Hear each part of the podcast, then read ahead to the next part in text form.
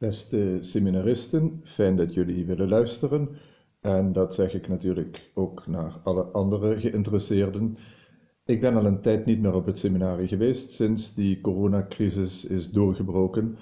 Uh, ik begrijp van mijn collega Deken Ed Smeets dat hij jullie um, colleges kerkmuziek geeft via Skype. Deken Smeets staat trouwens heel mooi in de krant van vandaag, 4 mei. Uh, nou, daar wil ik ook niet achterblijven. Ik doe het niet per Skype, maar per podcast. Uh, want dat lijkt me een goede methode om de zangles te blijven doorzetten. En zangles betekent vooral zingen. En op 4 mei betekent dat natuurlijk vooral het Wilhelmus zingen. Nou, pak je Laus Deo maar even erbij. Zoek maar even achter in het register, bij de letter W, waar dat Wilhelmus staat. Mm, ja, en dan vind je hem niet, lijkt er niet in te staan. Hij staat er wel in. Kijk maar even, bladzijde 1135. Bladzijde 1135.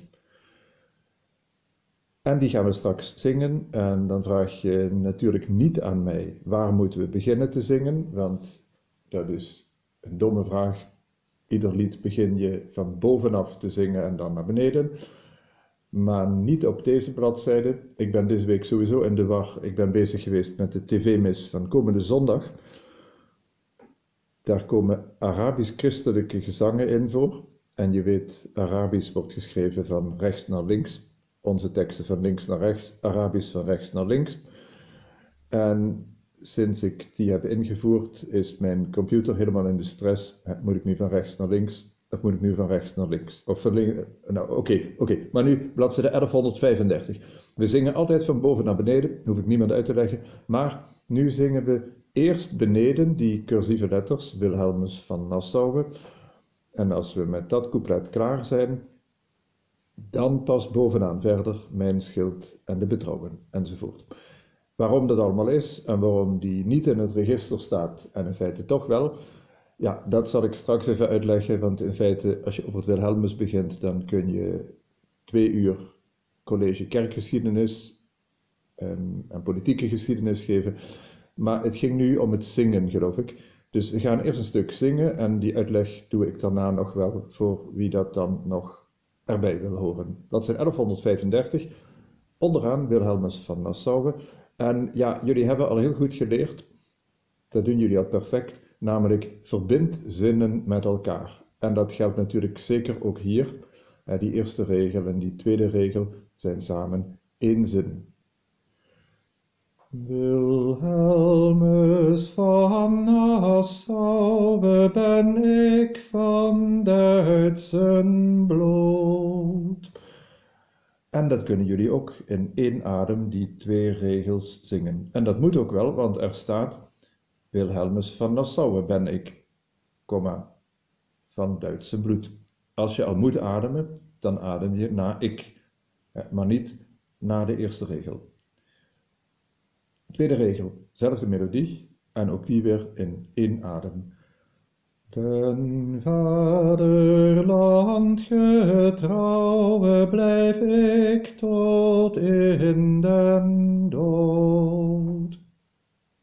Oké, je merkt, ga dit niet te vlug zingen. Je kunt dit heel slordig zingen. Wat er allemaal in voetbalstadions gebeurt, daar wil ik het nu niet over hebben.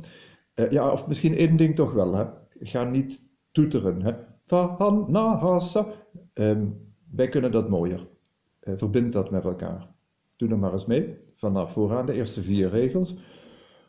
Wilhelmus van Nassau ben ik van Duitsen bloed. Den vaderland getrouwe blijf ik tot in den dood. En inderdaad, je mag dit plechtig zingen, dat zeg ik nu wel, maar daar moet ik bij zeggen, uh, deze melodie is eigenlijk begonnen vier en een halve eeuw geleden als een protestliedje, als een geuzenlied.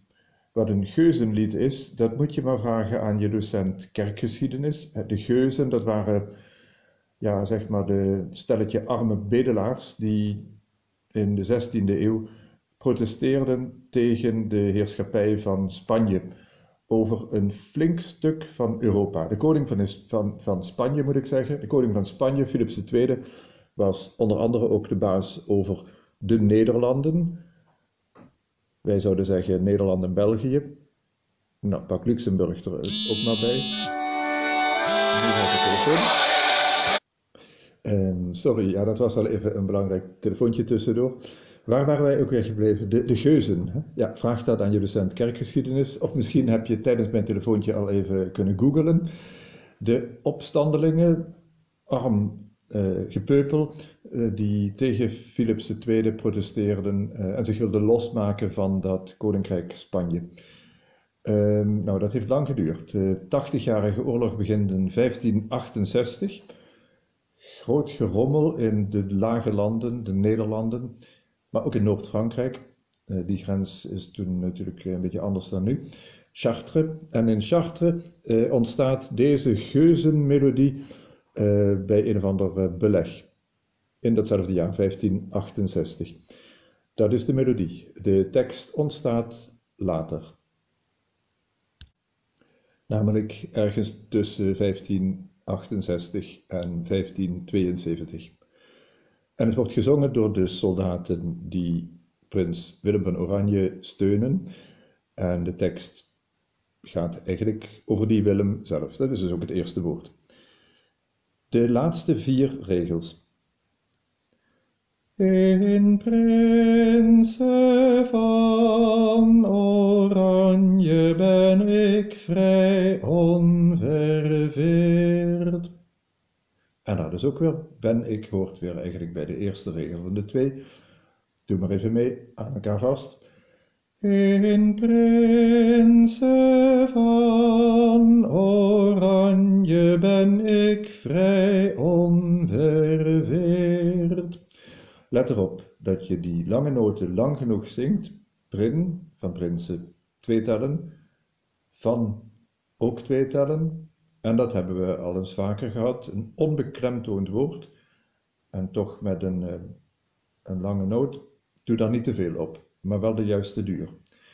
Nog een keer samen. In prinsen van oranje ben ik vrij onverweerd. En dan ook even opletten om bij koning met die vier afzonderlijke achtste noten, om dan niet te gaan bulderen, maar mooi te zingen. Den koning van Hispanje. En de laatste regel wordt een verrassing. We doen eerst even regel 7 samen. Ja. Den koning van Hispanje. Weer die onbeklemtoonde van, met die twee tellen. Doe daar niet te veel. En ko, vier achtste noten. De eerste krijgt natuurlijk een beetje, beetje meer. Hè? De, koning van Hispanje. Ja, samen. Den koning van Hispanje. En nu de verrassing. Heb ik altijd geëerd.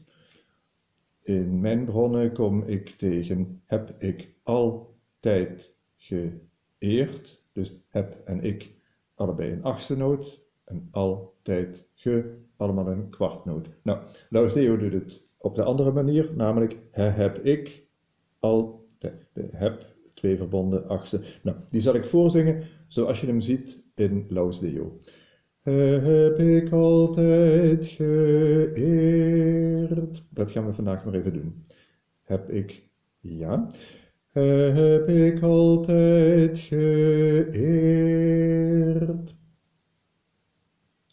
Zeven en achtste regel. De, den koning, den koning van. Doe maar mee. Den koning van Hispanje heb ik altijd geëerd.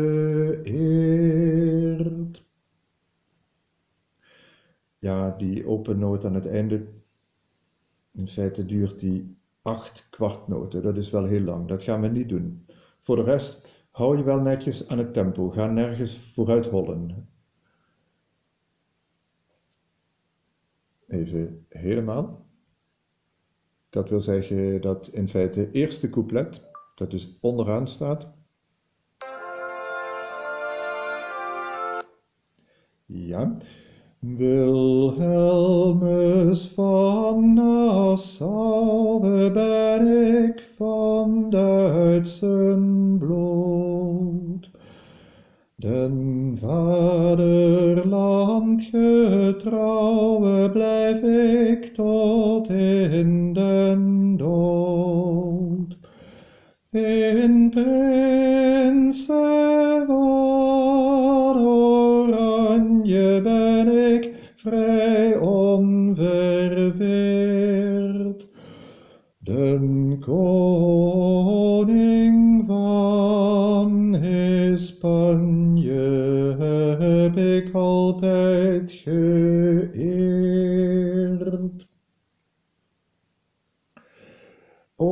had ik nog willen zeggen toen de telefoon ging.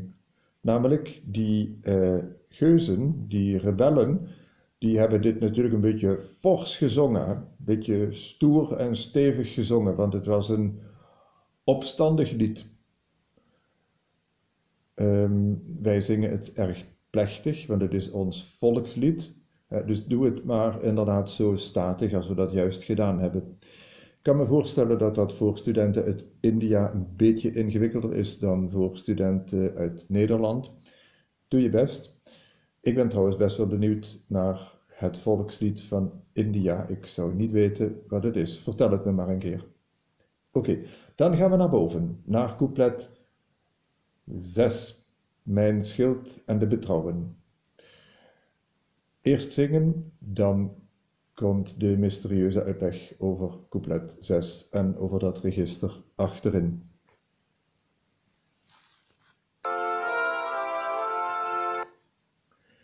Mijn schild en de betrouwen zet gij,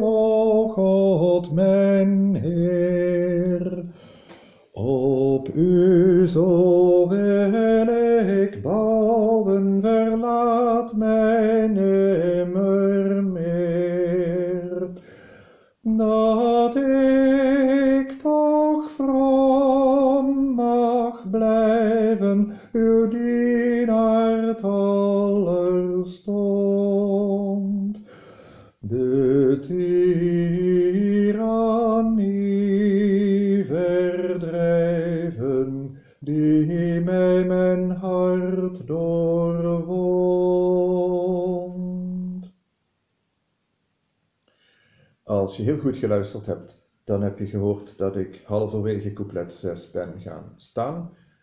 Want ik zat gewoon op mijn stoel. Foei. Zelfs twee keer foei. Want een zanger die zit natuurlijk niet, maar die zingt natuurlijk staande, want dan kun je veel meer uit je longen halen. Ik zal het nooit meer doen. En op de tweede plaats foei, want bij het Nederlands volkslied staat iedereen. Ik dus nu ook. En zeker vanavond. Um, ja, nog even als je niet in Nederland geboren bent, maar dat geldt zeker ook voor jouw eigen volkslied, daar blijf je natuurlijk ook bij staan totdat het helemaal uitgezongen is. Wij zingen dit meestal uh, na de slotzegen, als we het zingen. Uh, nou, na de slotzegen, plechtige processie, uh, acht missionaars, acolieten, processiekruis, wierook, priesters, bisschoppen, nou, prachtige processie. En dan is het natuurlijk heel mooi als daar een feestelijk lied tijdens dat lopen van die processie klinkt.